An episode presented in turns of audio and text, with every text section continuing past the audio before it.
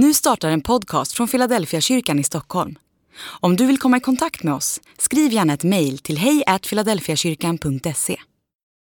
Dag 202. Håll drömmen vid liv.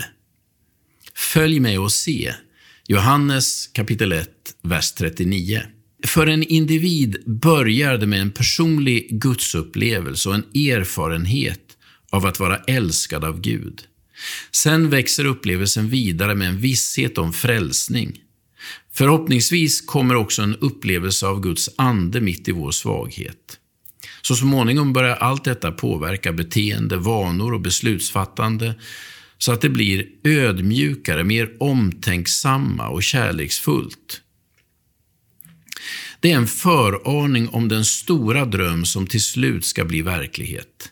Drömmen om när Gud återställer hela skapelsen och utplånar varje sjukdom, skada och död. Då, då fattigdom, svält och förtryck inte ens finns kvar som ett minne, utan alla lever i Guds välsignade närvaro och ljus. Det som börjar med en personlig upplevelse av frälsning för en enskild människa är bara en liten del av den stora bilden.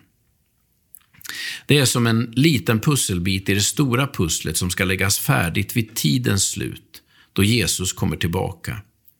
Det är den stora drömmen man ska hålla vid liv och det är den drömmen som vi redan nu ska försöka vara budbärare för i en sårad och lidande värld. Vi ser den ännu inte i verkligheten, men genom tron kan vi ana att den är på väg. Följ med och se, sa Jesus till de första lärjungarna. Det handlar inte bara om att registrera fakta med våra sinnen.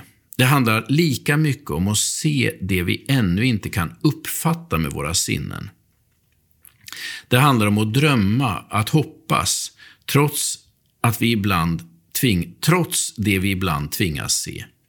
Håll drömmen vid liv. Våga tänka stort. Förlora dig inte i minnen annat än för en kort stund. Guds folk är ett drömmande folk och på väg mot en bättre framtid. Guds folk är alltid ett ungt folk, för vi drivs av drömmen, inte av minnet.